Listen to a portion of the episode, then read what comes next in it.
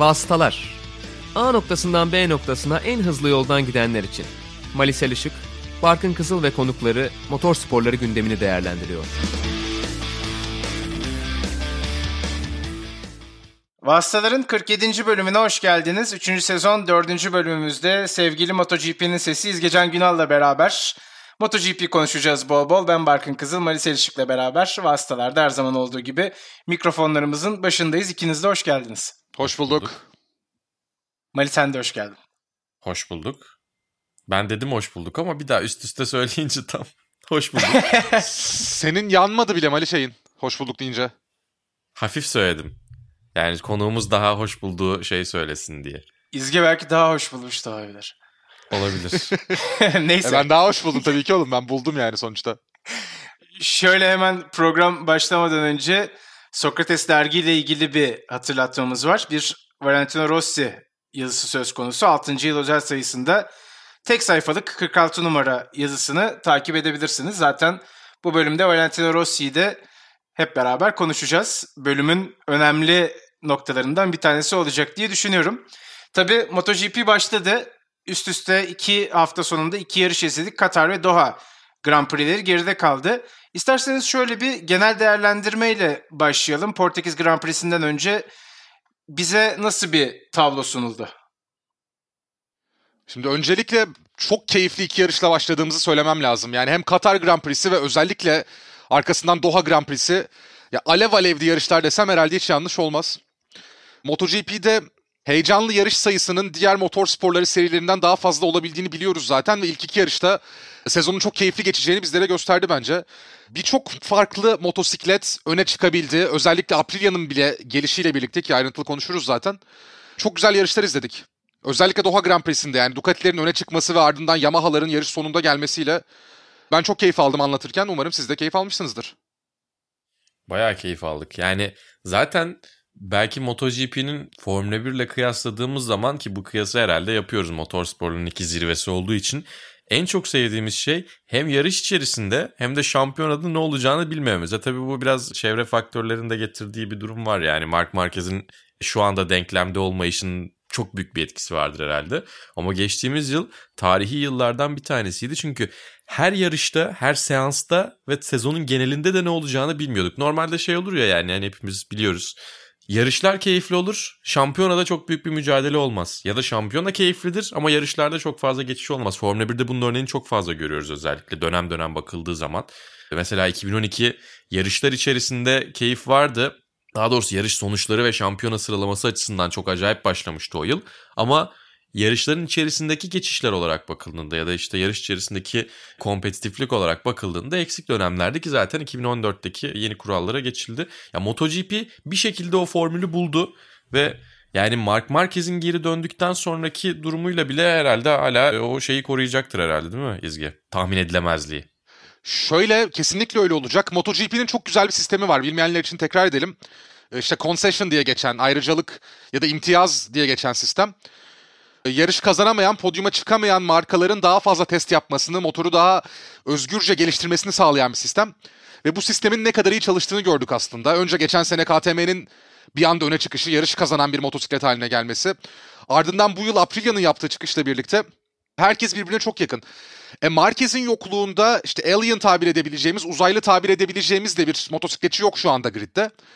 Ve bu iki faktör bir araya geldiğinde zaten heyecanlı bir yarış olmama, heyecanlı bir seri olmama ihtimali yok. Şöyle Marquez %100'üne ulaştığında tabii ki bir dominasyon kurmaya çalışacaktır yeniden. Bunu kurabileceği bir ortamda yok mu? Var. Ama Marquez zaten ne kadar %100'ünde dönebilecek? Tartışmalı nokta o. Veya Marquez %100'üne ulaştığında şampiyonluk şansı yüzde kaç olacak? Ne kadar puan kaybetmiş, ne kadar geriye düşmüş, ne kadar rakiplerine avans vermiş olacak? 12 Nisan'da Marquez'in bir doktor kontrolü var. Ve o doktor kontrolünün sonuçlarına göre Portekiz Grand Prix'sinde yarışabilmesini bekliyoruz Mark Marquez'in. Onun Kim da kontrol edecek peki doktor olarak? Ha ondan bahsedecektim. Şimdi normal şartlarda Marquez'in ilk iki ameliyatını Doktor Mir yapmıştı. MotoGP'nin doktoru yapmıştı. Ve tabii şöyle bir durum var. Doktor Mir hem ameliyatı yapan, operasyonu yapan kişi hem de Marquez'in yarışıp yarışamayacağına izin vermesi gereken kişi. Ve tabii ki Dorna'nın çalışanı, MotoGP'nin çalışanı. Yani ben şey düşünüyorum sporcunun sağlığından, insan sağlığından daha çok belki Marquez'in yarışçı kimliğini öne çıkarmış olabilir Doktor Mir. Fakat bu ameliyatlar komplikasyonlara sebebiyet verince Marquez kendini tamamen MotoGP dünyasının dışından doktorlara emanet etmiş. Sezon öncesi kontrolünde şöyle bir şey söyleniyor. MotoGP doktorları Marquez yarışabilir diyorlar. Fakat Marquez'in dışarıdan gittiği doktorlar hayır yarışamazsın diyorlar. Çünkü diğer doktorlar onu bir yarışçı olarak değil normal bir hasta olarak görüyorlar. Yani Marquez normal insan standartlarında iyileşene kadar MotoGP'ye dönemeyecek anlamına geliyor. Bu ki çok doğru hamlede bu. Mali sen de söylüyordun zaten. Yani Marquez'i Marquez'den korumak gerekiyor. Bu Marquez özelinde değil. Bu tarz sporcuları bazen kendilerinden korumak gerekiyor. Doktorların görevi bu. Doktor Mir onu yapamamıştı. MotoGP doktorları onu yapamamıştı. Ama geç oldu, güç oldu. Çok ciddi şeylerin kıyısından döndü. Kemik enfeksiyonu yaşadı Mark Marquez. Ama sonunda doğru yolu buldu, doğru şekilde ilerliyor MotoGP geri dönüşüne.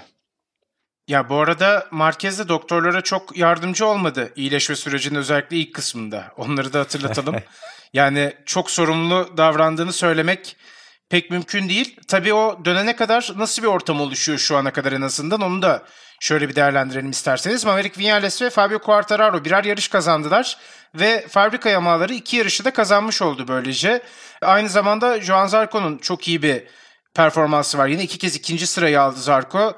Bu şekilde de Ducati'ler de yine Yamaha ile beraber oralarda olacak gibi gözüküyorlar. Tabi puanların bu anlamda paylaşılmış olması bence Marquez'in yine döndüğü zaman şampiyonaya etki koyması için bir fırsat olacak. Zaten İzge sen de söyledin az önce. Öyle bir ortam var mı diye sorduğumuz zaman evet var gibi gözüküyor. Peki tam bu noktada isterseniz şunu konuşalım. İlk iki yarışın bize gösterdikleri sezonun bundan sonrası için ne ifade ediyor aslında?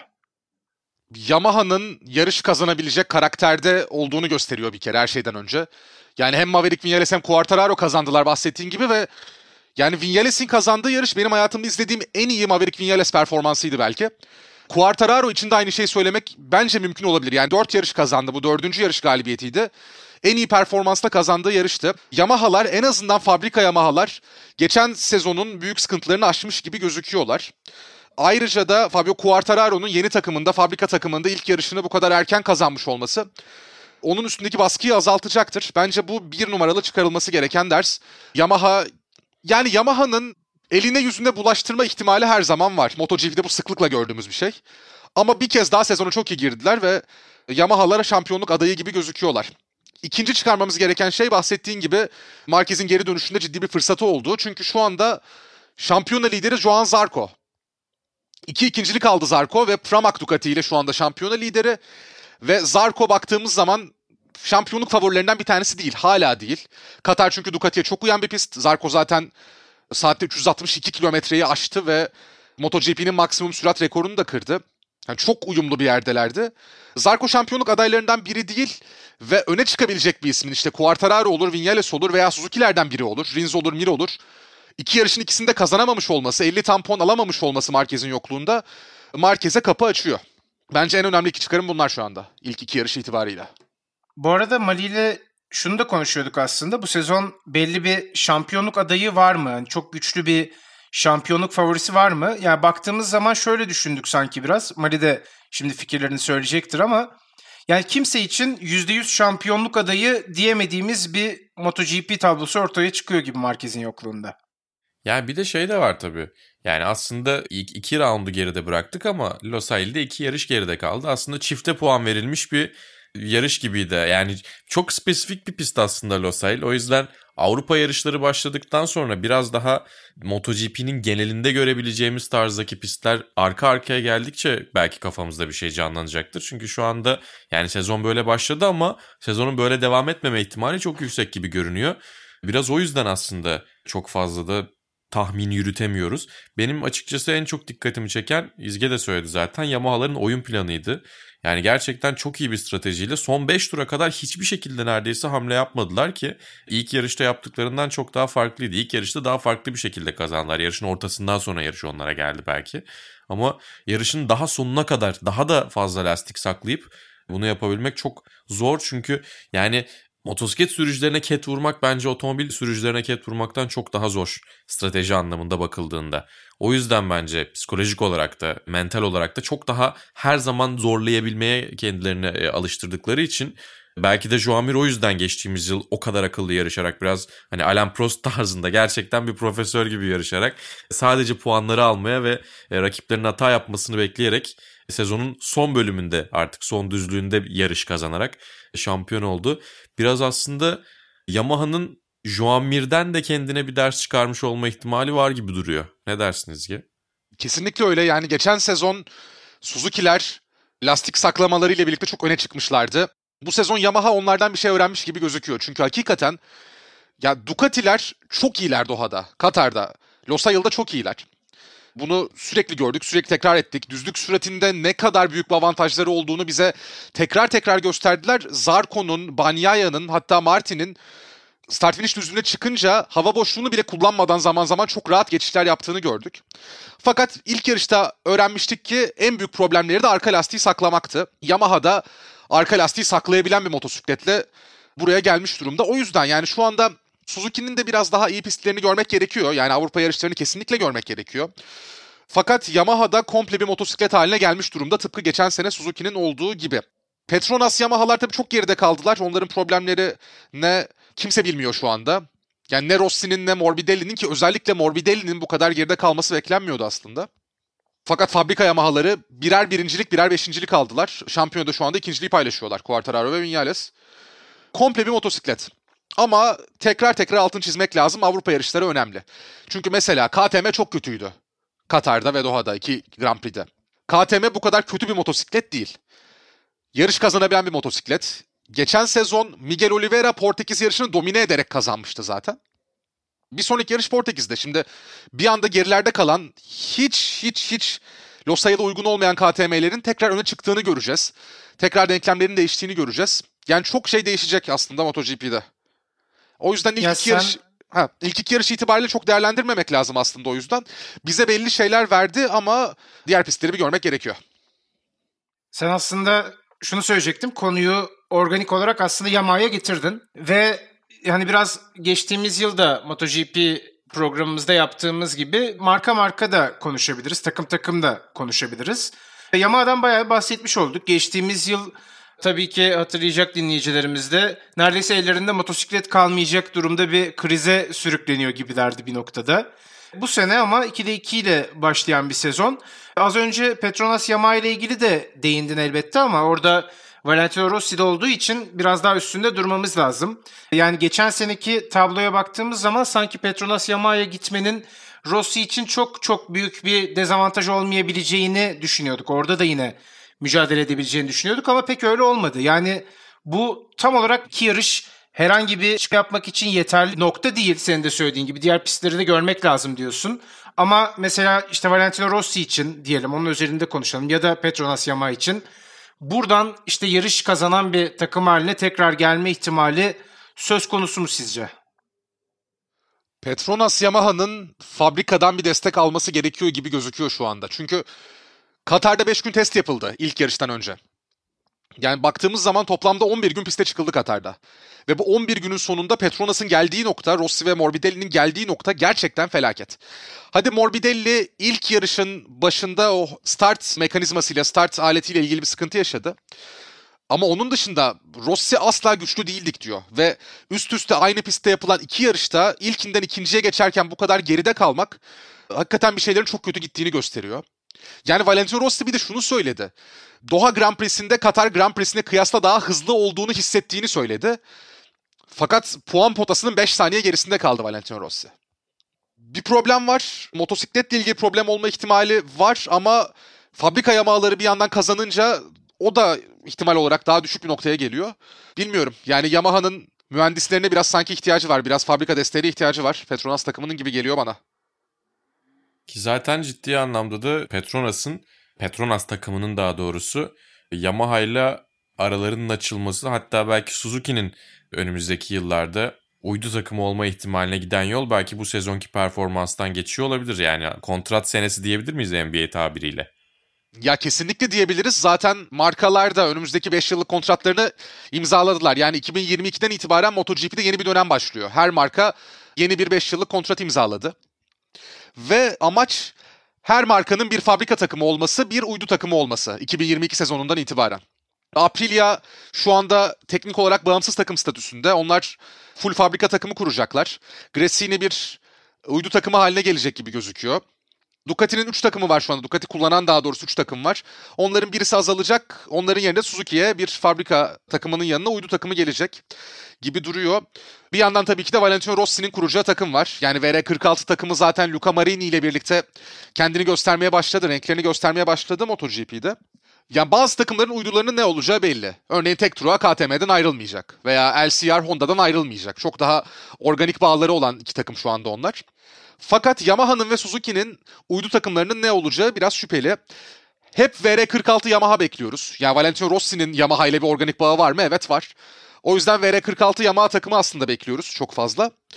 Fakat belli de olmaz. Suzuki ile de biraz flört etmeye başladılar.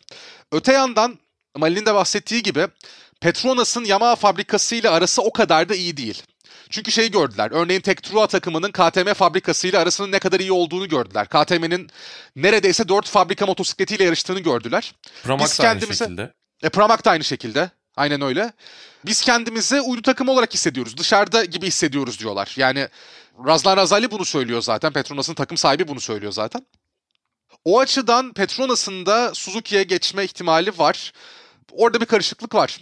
Ama dediğin gibi bu sezon özellikle fabrika yamaları çok iyiyken iki iyi sürücüye sahip olan yani Rossi ne olursa olsun Valentino Rossi bu kadar yavaş bir sürücü değil.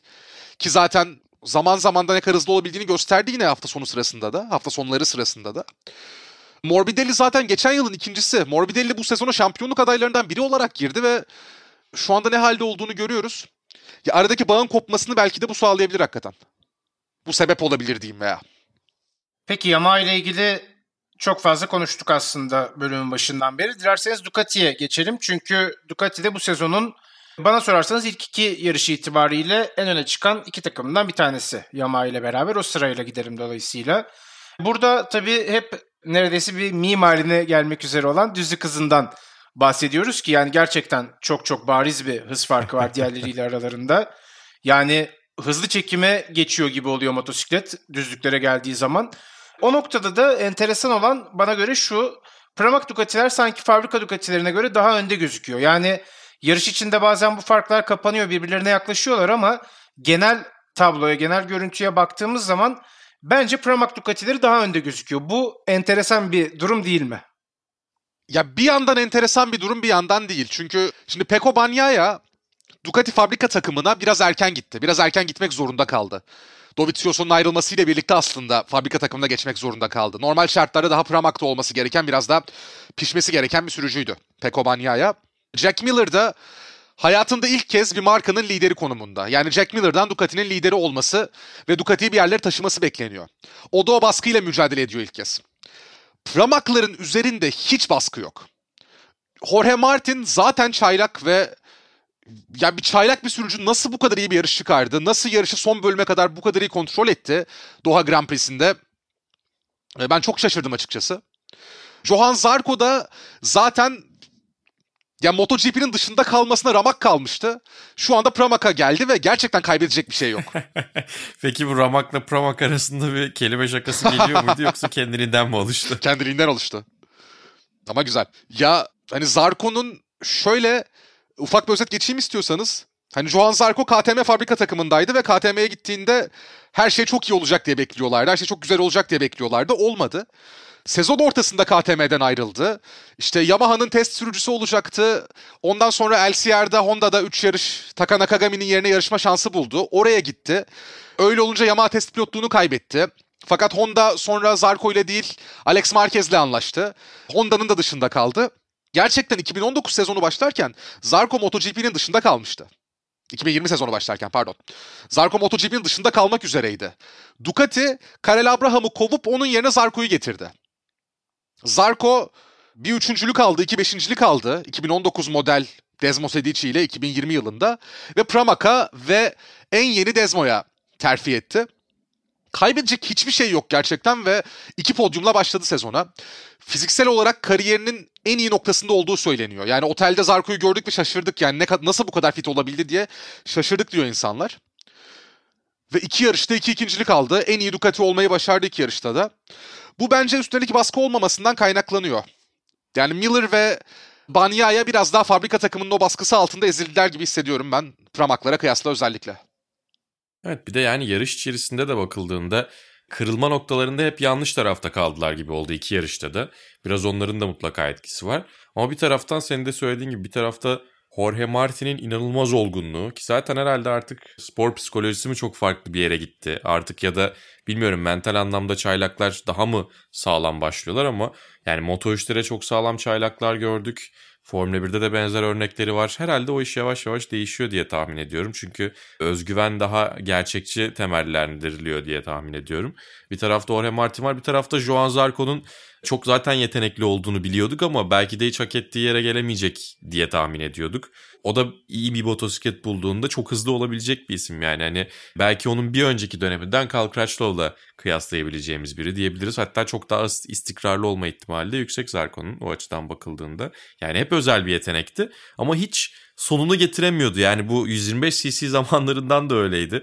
Son virajı lider dönüp üst üste e, son düzlükte yarış kaybettiği çok oldu ki motorsporları tarihinin birkaç dead heat'inden yani e, iki sürücünün asla ayrılamadığı yarışlarından bir tanesini kaybeden tarafındaydı. En azı tur zamanını atmadığı için. Ki kay kazandım diye de sevinmişti. 2011 Mizan olması lazım yanlış hatırlamıyorsam. O yüzden acayip de bir psikolojisi var Joan Zarco'nun. Ya bu sezonun tam anlamıyla Dark Horse'u sürpriz ismi olma ihtimali de var. Ama şey çok ilginçti ya biz Barkın'la da konuşuyorduk. Zaten hani senle hep beraber de konuşuyorduk. Ya daha doğrusu biz yazıyorduk sen yayından sonra bakmışsındır diye düşünüyorum. WhatsApp grubunda bir sürü mesaj vardı. Yani Ducati'ler bela gibi geliyorlardı. Dört kişi, dört sürücü. Bir de hepsinin de renkleri birbirine benziyor gibi. Önden bakıldığında Pramax'larda da kırmızı renk arttı ya. Ya çok acayip geliyorlardı. Hakikaten çete gibi geliyorlardı. Benzer bir şey en son ne zaman gördüm diye hatırlıyorum ben. Dünya Binek Otomobiller Şampiyonası'nda Seat'lar öyle gelirlerdi böyle Repsol renkleriyle birlikte dizel tren. Onlar öyle gelirler geçerlerdi falan. Yani çok acayip. Bir de eskiden de şey vardı. Ducati'ler düzlükte hızlıydı. Honda'lar biraz all round'du. Yamaha'lar virajda çok iyiydi gibi bir meta vardı. O meta sonra 2010'larda tamamen değişti. Honda bir ara düzlük hızında en iyiydi. Yani o dönemleri de gördük. Şimdi tekrar eski tarafa da gelmiş gibi görünüyor. Bir de buraya Yamaha'nın bir benzeri olarak, tarz olarak biraz daha yakın olarak Yamaha B ya da işte Suzuki B dersin Yamaha'ya belki. Viraj hızı olarak Suzuki eklendi oraya. Aprilia ne olacak peki? Ya bir kere şöyle bir durum var zaten. Şimdi Suzuki ile Yamaha'nın benzemesi çok normal çünkü ikisi de sıralı dörtlü motor kullanıyorlar. MotoGP'nin o iki farklı anlayışından işte sıralı motoru tercih eden taraf onlar. Aprilia, Aprilia ne yaptı öyle? Ya Aprilia'yı ben kafam almakta zorlanıyor çünkü tamam motosiklet çok gelişti. Fakat şimdi Alex Espargaro ile Lorenzo Savadori arasında çok büyük bir uçurum var. Katar tek yarış. Katar Aprilia'nın çok fazla test yaptığı bir yer. Haliyle herkesin test yaptığı bir yer zaten. Alex Espargaro mu çok iyiydi? Yoksa Aprilia mı gerçekten bu kadar iyiydi? Ya da ikisi birden var tabii ki ama bunların yüzdesi ne kadar? Tam kafamda oturabilmiş değil. Fakat ya geçen sezonun başında Aprilia'dan daha büyük bir beklenti vardı. KTM'nin yaptığı atılımı belki onların yapması bekleniyordu. İşte şey hikayesi var. Alex Espargaro Aprilia ile kontrat yenilemeyecekmiş aslında. Fakat 2010-2020 model e, RSGP'yi gördüğü zaman, RSGP'ye bindiği zaman tamam demiş ben bu takımda kalıyorum. Fakat geçen sene bu hype hiçbir yere varmamıştı. Bu yıl o kadar da hype yoktu. Hiç hype yoktu. Hatta birçok sürücü ikinci Aprilia pilotu olmayı reddetti. Yani Dovizioso reddetti ilk başta. Şimdi teste çıkacak Aprilia ile. Crutchlow biraz daha test pilotu olmak istiyordu belki ama Aprilia ile yarışma şansı vardı reddetti. Moto 2'den gelebilecek isimler vardı MotoGP'ye. Aprilia ile yarışabilecek. Onlar da reddettiler. İşte Fabio Di Gianantonio örneğin gelebilirdi. Daha erken gelebilirdi. Hayır dedi ben bir sene daha Moto 2'de kalacağım. İlk aklıma o geliyor. Remy Gardner'la konuştular. Remy Gardner yine Moto 2'de kalmayı tercih etti. Fakat Aprilia bir anda yarış kazanamayacak belki ama zaman zaman podyum zorlayabilecek bir motosikletle karşımıza çıktı dediğim gibi ya bunu geçen sene KTM'de de biraz gördük. KTM daha fazla test yaptığı pistlerde haliyle daha iyiydi. İmtiyazlarının da avantajıyla tabii ki çok fazla test yapıyorlardı. Ve ellerinde Dani Pedrosa olmasının onlar avantajını kullanıyorlardı. Aprilia'da Pedrosa'msı bir role belki Dovi'yi getirebilir. Dovizioso belki sezonun ikinci yarısında Savadori'nin yerine yarış pilotu da olabilir Aprilia'da. Avrupa yarışlarını yine görmek gerekiyor. Fakat 6 markanın 6'sı da Aprilia'nın gelişiyle birlikte artık podyum yapabilecek kapasitede MotoGP'de ki bu inanılmaz bir şey. O zaman Suzuki ile devam edelim. Yani son şampiyon tabii ki Joan Mir ve o şampiyon kadronun çekirdeğinden Davide Brivio'yu kaybettiler. Bunun Suzuki takımına olan etkisini belki iki yarışta kestirmek çok mümkün olmayabilir. Aslında sonuçları da iyi. 4-6 ve 4-7 oldular. Hem Rins hem de Mir birer dördüncülük aldı. Podyumu ucundan ıskaladılar. Yine aslında Suzuki motosikleti gayet güçlü gözüküyor. Onları da herhalde şampiyonluk adaylarının arasında kesinlikle saymak lazım değil mi? Suzuki'nin sıralama turu problemini acilen çözmesi gerekiyor. Yani geçen sene de vardı böyle bir problemleri evet. Fakat bu sene işin suyu çıkmış durumda. Yani geçen senenin dünya şampiyonluğu markası bir yandan Suzuki. Yalnızca Joan Mir'in şampiyonluğu değil, markalar şampiyonluğunu da aldılar. Ve 9. cepten 10. cepten start alıyorlar. Geçen sene de zaten sıralama turları kötüydü. Bu yıl belki tamam Katar'ın da etkisi var. Ama bir adım daha geriye atmış durumdalar. Her yarışa bu kadar dezavantajlı başlayarak tekrar şampiyon olma şansları yok. Bu arada hemen düzelteyim markalar şampiyon olmadılar. Ducati markalar şampiyonuydu. Takımlar şampiyon oldular ama. Her yarışa bu kadar geriden başlayarak, gridin bu kadar gerisinden başlayarak tekrar şampiyon olma şansları artık yok gibi gözüküyor. Arka lastiği, MotoGP'nin geçen sene gelen yeni arka lastiğini en iyi anlayan marka Suzuki. Ve adım adım gelişme işini çok iyi yapıyorlar. Ama sıralama turlarında acil bir atılma ihtiyaçları var. Her şey oraya bağlanıyor. Çünkü yarışta çok iyilerdi. Joan Mir bence Doha Grand Prix'sinde o Jack Miller'la olan münakaşayı yaşamasa yarışta biraz daha önde bitirebilirdi. Hatta podyuma doğru gidebilirdi. Geçen yarışın Katar Grand Prix'sinin tekrar bir son viraj olabilirdi ya da belki. Ki Katar Grand Prix'sinde de podyumu son anda kaçırdı. Son virajda kaçırdı zaten problemlerin çözmeleri gerekiyor. Bu Davide Brivio'nun yokluğunda nasıl olur? Sorun çözme mekanizmaları nasıl çalışır? İşte o biraz şüpheli. Suzuki'ler rahat gözüküyorlar. Fakat Davide Brivio'nun zaten en önemli özelliği insan yönetimi. Normal şartlarda teknik açıdan güçlü olmasıyla da bulunmuyordu MotoGP'de. Ki zaten öyle olsa MotoGP'den Formula 1'e direkt transfer olamazdı. Direkt yönetici pozisyonunda böyle transfer olamazdı. Brivios'uz o sorunları çözmeyi başarabilecekler mi göreceğiz. Ama iyi bir takım. Hakikaten aile gibi, hakikaten kolej havasını yakalamış bir takım diyebiliriz Suzuki için. Ve yani sonuç olarak ne olursa olsun hem geçen senenin dünya şampiyonu Joan Mir takımda hem de geçen sezonun başında sakatlanmasa belki dünya şampiyonluğunun daha yakınında olacak olan bir Alex Rins var takımda. Onlara biraz daha uygun pistlere geldiklerinde, Avrupa'ya geldiklerinde tekrar podyumlarda başlayacaktır diye tahmin ediyorum Suzuki konusunda. O zaman sırada Honda var. Tabii Honda aslında yani 2010'lu yıllara damga vurdu diyebiliriz herhalde. 2013'ten beri 6 kez şampiyon oldu Repsolon'da ve Mark Marquez'in yokluğunda bir anda ortadan kayboldular diyebiliriz herhalde. Geçtiğimiz yıl yine tabii biraz daha iyiydi ama bu sezon hiç iyi başlamadı Honda için onu söyleyebiliriz. Bu motosikletle ilgili yani sadece Marquez'in çok çok iyi performans alabildiği gibi bir düşünce de söz konusuydu geçtiğimiz yıl. Ama sonrasında bence yine fena olmayan performanslar gördük. Zaten iyi sonuçlar da gelmişti. Honda'nın Marquez'in dönüşüyle beraber ne kadar yukarıya gitmesini bekliyoruz. Yani Mark Marquez'i sürekli olarak ilk ikide yer alması gibi bir serisi de zaten söz konusu. Onu devam ettirebilecek mi ya da Honda takımı için genel bir bakış yaptığımız zaman bu durum nasıl olacak? Yani geçtiğimiz yıl Alex Marquez iki podyum aldı evet. Ama onun dışında da aslında çok çok etkin görmedik Honda'yı. Şöyle yani çok haklısın. Çünkü bir noktaya kadar geçen sezonun ortasına kadar e, Honda gerçekten sadece Mark Marquez'in kullanabildiği bir motosiklete sahipti. Geri kalan kimse RC213V'den o gereken verimi alamıyordu. Fakat Mark Marquez zaten hangi motosiklete koysanız yarış kazanır MotoGP'de. Öyle bir adam. Ve Honda da yani Mali'de bahseder zaten ondan. Geçmişten bu yana zaten bizim bir tane uzaylımız olsun, bir tane çok dominant sporcumuz olsun. MotoGP'deki en iyi sürücü biz alalım takımımıza. Onun kazandığı sürece başkalarının arkasındaki isimlerin önde olmasına gerek yok stratejisiyle devam ediyor. Yani Mick Doohan'lardan beri bu böyle aslında. Hatta belki öncesinde bile gidebiliriz baksak. Geçen sene yalnız sezonun ortasından itibaren Honda'lar biraz daha iyi performans vermeye başlamışlardı. İşte Nakagami'nin pol pozisyonu olsun, Alex Marquez'in podyumları olsun. Birazcık daha toparlamayı başarmışlar gibi gözüküyordu. Şimdi bu yarışa baktığımızda bir ön lastiği asla koruyamadılar. Yani hem Katar Grand Prix'sinde hem Doha Grand Prix'sinde çok ciddi ön lastik problemleri yaşadılar. Ki zaten herkesin yumuşak lastiklerle çıktığı bir yarış ve ya bolca gördük. Yarış galibiyetinin Yamaha'lara gitmesinden de gördük. Lastik kullanmanın ne kadar önemli olduğunu. Problem yaşadılar. Ama gelecekleri çok kötü değil. Çünkü bir Mark Marquez geri dönecek zaten. Ne durumda geri döneceğine bakacağız ama geri dönecek. İki, Paul Espargaro ile Honda'nın tam anlamıyla %100 uyum sağlaması biraz daha zaman alacak gibi duruyor. Fakat uyum sağlamayı başardıkları anda Paul Espargaro yani Mark Marquez'in yanında çok iyi bir ikinci sürücü Honda için. Hem Honda'da olmaktan dolayı çok mutlu. Yani çocukluğu zaten işte Mick Doohan ve Alex Crivier posterleriyle dolu bir odada geçmiş Paul Espargaro'nun.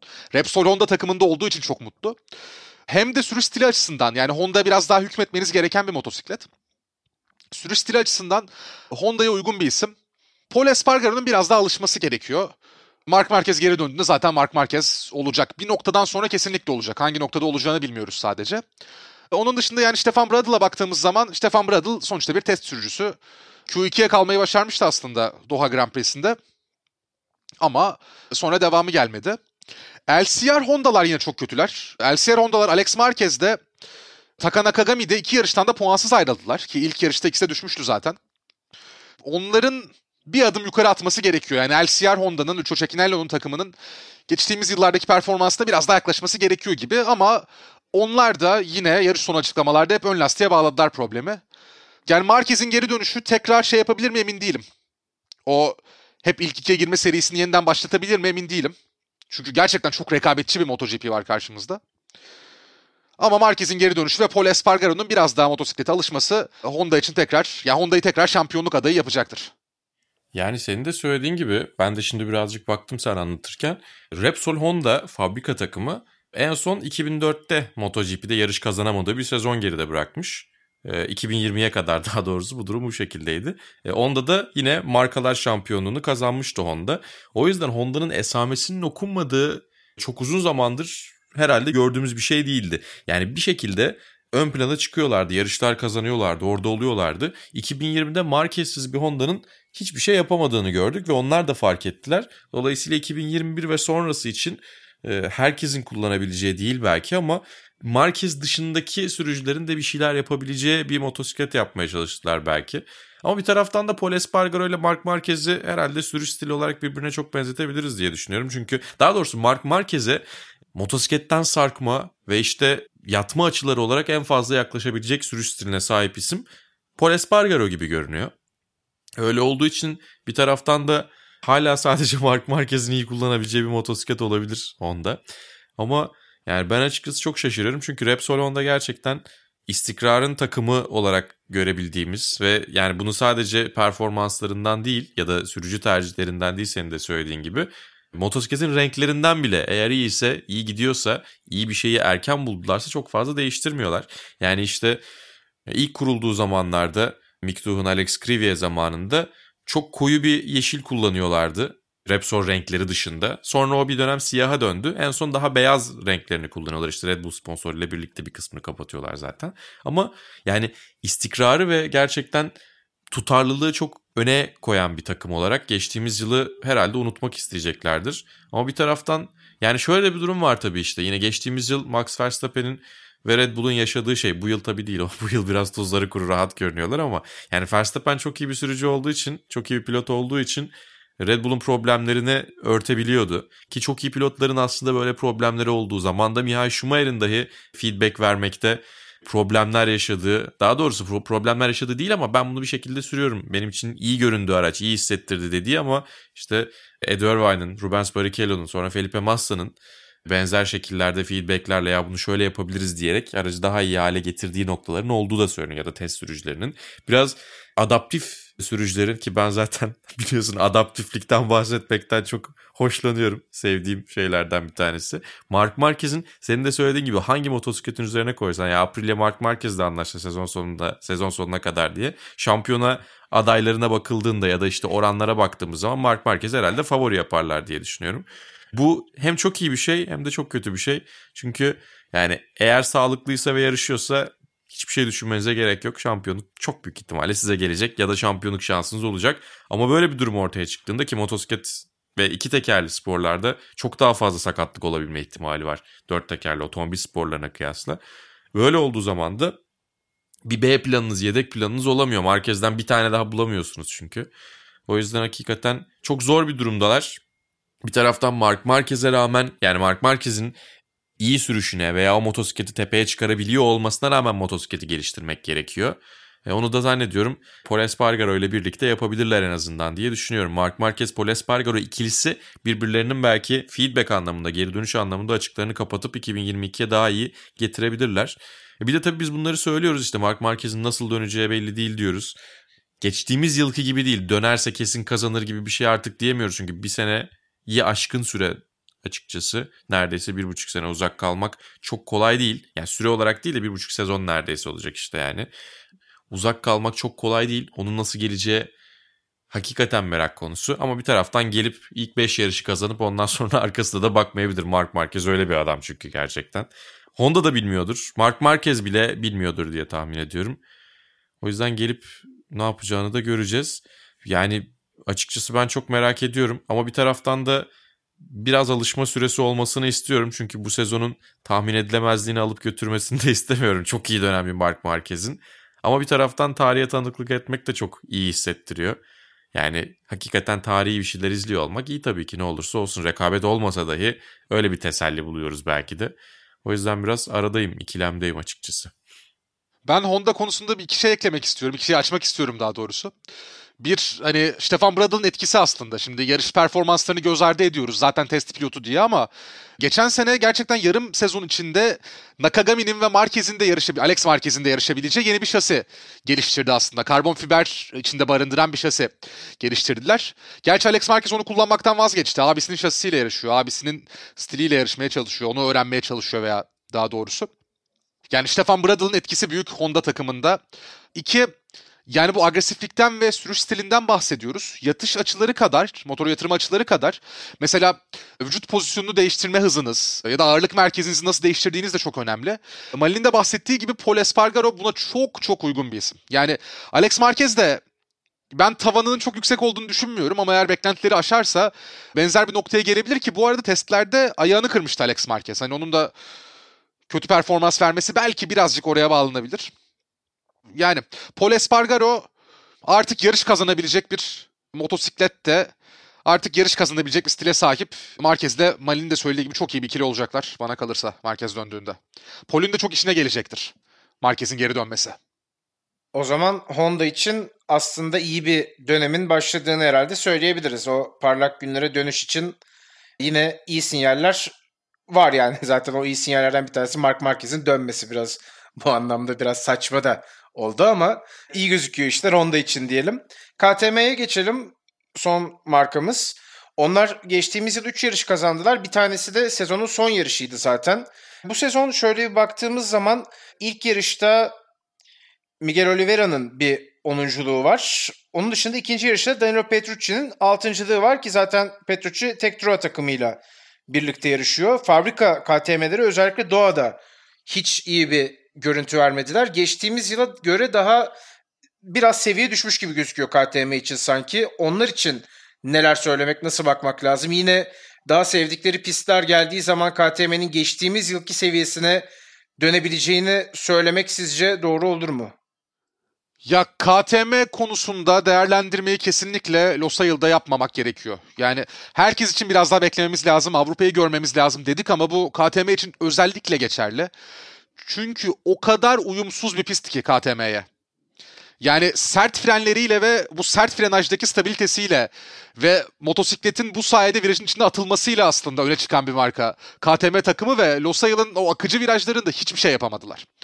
İkinci yarışta Doha Grand Prix'sinde bir orta ön lastik denediler ama o da o deney de çok verim vermedi açıkçası baktığımız zaman.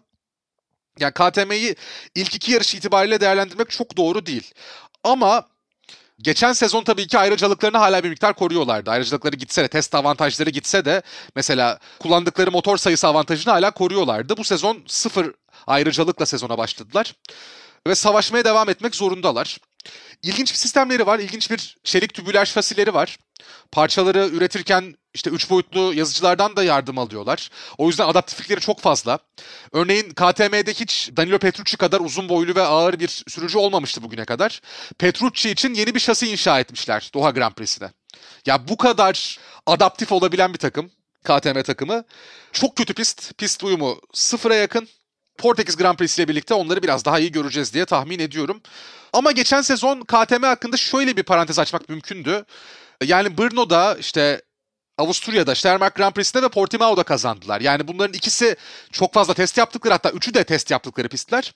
Bruno ve Avusturya Red Bull Ring çok iyi bildikleri pistler. Portimao'da Miguel Oliveira'nın çok iyi bildiği pistti. Şimdi biraz daha herkesle eşit koşullara geldiklerinde savaşmaya devam etmeleri gerekiyor. Yani senin de söylediğin gibi İzge daha farklı bir bakış açısıyla birlikte ki zaten herhalde diğer markalarla karşılaştırdığımızda KTM motosiklet dünyası içerisinde de daha farklı bir yeri tutuyor ya. Yani Dakar'da onlar çok iyiler ya da ne bileyim bakıldığında alt serilerde zaten süper işler yapıyorlar. Özellikle işte e, Moto 3'te, Moto 2 ile artık sadece takım adı olarak varlar ama pist motosikleti de çok fazla üretmiyorlar. Üretilenleri çok seviliyor bu arada. Hani şeyleri var, hayranları var. Ama işte Yamaha'dan, Honda'dan, Ducati'den ve Aprilia'dan, Suzuki'den aynı zamanda diğer bütün markalardan tek tek saymaya da gerek yok aslında ama çok daha farklı bakıyorlar. Bu farklı bakış açısı bazen güzel şeyler yakalayabiliyor ama e, bir taraftan bazen de geride de kalabildikleri durumlar ortaya çıkabiliyor. Yani neredeyse geleneğe uygun, geleneksel olarak yaptıkları hiçbir şey yok diyebiliriz. Bu bazen çok avantajlarına gelebiliyor. Senin de söylediğin gibi işte yine yani farklı şeyler yapabiliyorlar. İki yarış arasında çok farklı, çok hızlı çözümler bulabiliyorlar. Ben şeyi çok beğeniyorum açıkçası KTM ile ilgili. KTM ve Tektro arasındaki o çok yakın bağlantı. Belki şu anda e, MotoGP'deki en iyi fabrika ve uydu takımı ilişkisi desek herhalde Doğru. E, çok yanlış söylemiş olmayız. Biraz onda zannediyorum Red Bull'un da etkisi vardır diye tahmin ediyorum. Tabii şimdi geçtiğimiz yıldan itibaren biraz daha değiştirdiler ama Toro Rosso Red Bull Racing ikilisi çok iyi, çok yakın çalışıyorlardı ve örnek olarak önlerinde öyle bir şey vardı. KTM'de herhalde onu kullanmıştır diye tahmin ediyorum. Zaten çok birbirleriyle iletişim halinde olan, yakın olan ve e, kültürel olarak da aslında bakıldığında ve yapı olarak da birbirlerinden çok uzak değiller. O bilgilerden nasıl söylemek lazım? O know-how'dan etkilenen iki marka belki Formula 1'de ve e, MotoGP'de bakıldığı zaman. Öyle olduğundan dolayı da güzel bir ortak akıl ortaya çıkıyor. Yani dört motosikletle birlikte tek bir amaç için ilerliyorlar. Belki de yıllar içerisinde bu farkı hızlı bir şekilde kapatabilmelerinin sebebi de odur diye tahmin ediyorum. Yine tabii çok değerli test sürücüleri vardı zamanında. Dani Pedrosa onlardan bir tanesi olmak üzere. Ee, onun dışında bence bir tek Iker Lecuona'yı 2021'de de tutarak çok büyük bir hata yaptılar. Çünkü zaten e, senin de az önce bir kısmını anlattığın o hikayede KTM, Tek Trua KTM'sinde bir boşluk oluşuyordu. Ve orada da Iker Lecuona bir tek anlaşma imzalamamış Moto2 sürücüsüydü. Onu aldılar. Çok ortalama bir performans sergiledi. Ama sezon başlamadan önce mi Jorge Martin Pramac'la e, imzalamıştı? 2020 resmen başlamadan önce miydi İzge? Evet yani pandemi yüzünden sezon başlangıcı ertelenince hmm. o arada imzalamıştı. Açıklamakta biraz geç kaldılar ama yani zaten KTM'nin bence uzun vadeli en büyük problemi de o. Senin de bahsettiğin gibi Mali. Yani Jorge Martin gibi yeteneği yani ikinci yarışında pole pozisyonu podyum gören bir yeteneği bir şekilde kendi sistemlerinde yetiştirip Ducati'ye kaptırdılar. Ve ellerinde şu anda MotoGP seviyesinde en azından gelecek vadeden birisi yok. Altyapıları çok iyi. Yani zaten Deniz Öncü'den de biliyoruz. Hem Moto3'te hem Moto2'de hala takım olarak bulunuyorlar. Ve iyi bir altyapı sistemleri var. Fakat oradan çıkan sürücüleri kaybetmemeleri gerekiyor.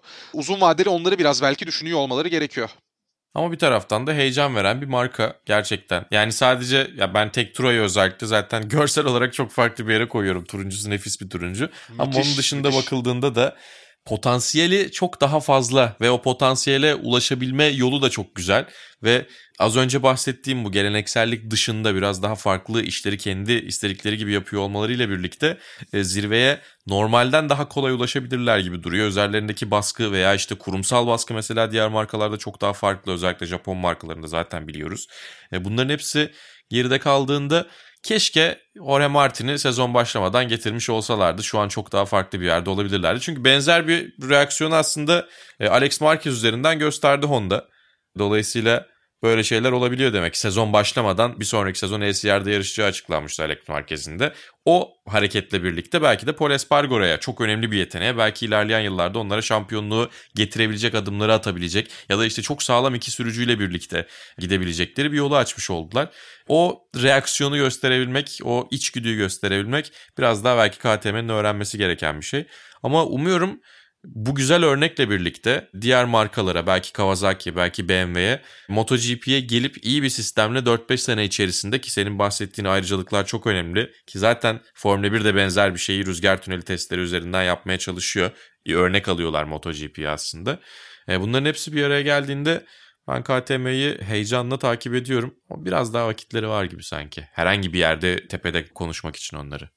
Mali bu arada KTM ile ilgili heyecan verici bir marka dedin ama hangi markayı konuşsak hepsi heyecan verici. Yani öyle de bir durum söz konusu. O şekilde bir Kesinlikle. MotoGP sezonu geçiriyoruz. Ya Marquez'in olmayışı tabii soru işaretlerini arttırıyor. Daha doğrusu bilinmezleri arttırıyor ve bilinmezlik her zaman iyidir. Yani biz Formula 1 temelli diyelim ağırlıklı bir podcast yapıyoruz burada bildiğiniz gibi ve aslında sezon sonunda şu anda mesela şampiyonluk adayı iki isim gibi gözüküyor ama MotoGP'ye baktığımız zaman kaç isim olduğunu söylemek bile çok mümkün değil. Yani sadece pist üstündeki yarışlar değil şampiyonadaki bilinmezlik de çok ciddi anlamda üst düzey seviyede. Bu anlamda da gerçekten çok ama çok keyifli olduğunu düşünüyorum diyeyim ve son eklemek istediğiniz aklınızda olan şeyler var mıdır? Sezonla ilgili olabilir. Önümüzdeki Portekiz Grand Prix'si ilgili, Algarve Grand Prix'si ilgili olabilir. Ya da geride bıraktığımız yarışlarla ilgili olabilir. Ben iki konuya çok hızlı değinmek istiyorum aslında. Birincisi çaylaklar. Yani hafif bahsettik aslında Jorge Martin'den. Ama Enea Bastianini çok iyi yarışlar çıkardı. Luca Marini, Rossi'nin kardeşi MotoGP'de artık. Luca Marini iyi bir yarış performansı göstermese de sıralama turlarında neredeyse Q1'den Q2'ye geçecekti. Yani saniyenin binde 8'iyle kaçırdı galiba Q2'yi. Çok çok az bir farkla kaçırdı. Çaylak sürücüler yeteneklerini MotoGP'de göstermeye başladılar. Bir bu. İki Portekiz Grand Prix'si dediğim gibi biraz daha dengelerin bulunduğu bir yarış olacak. KTM yarış galibiyeti adayı, çok büyük yarış galibiyeti adayı bir kez daha Miguel Oliveira ile birlikte özellikle.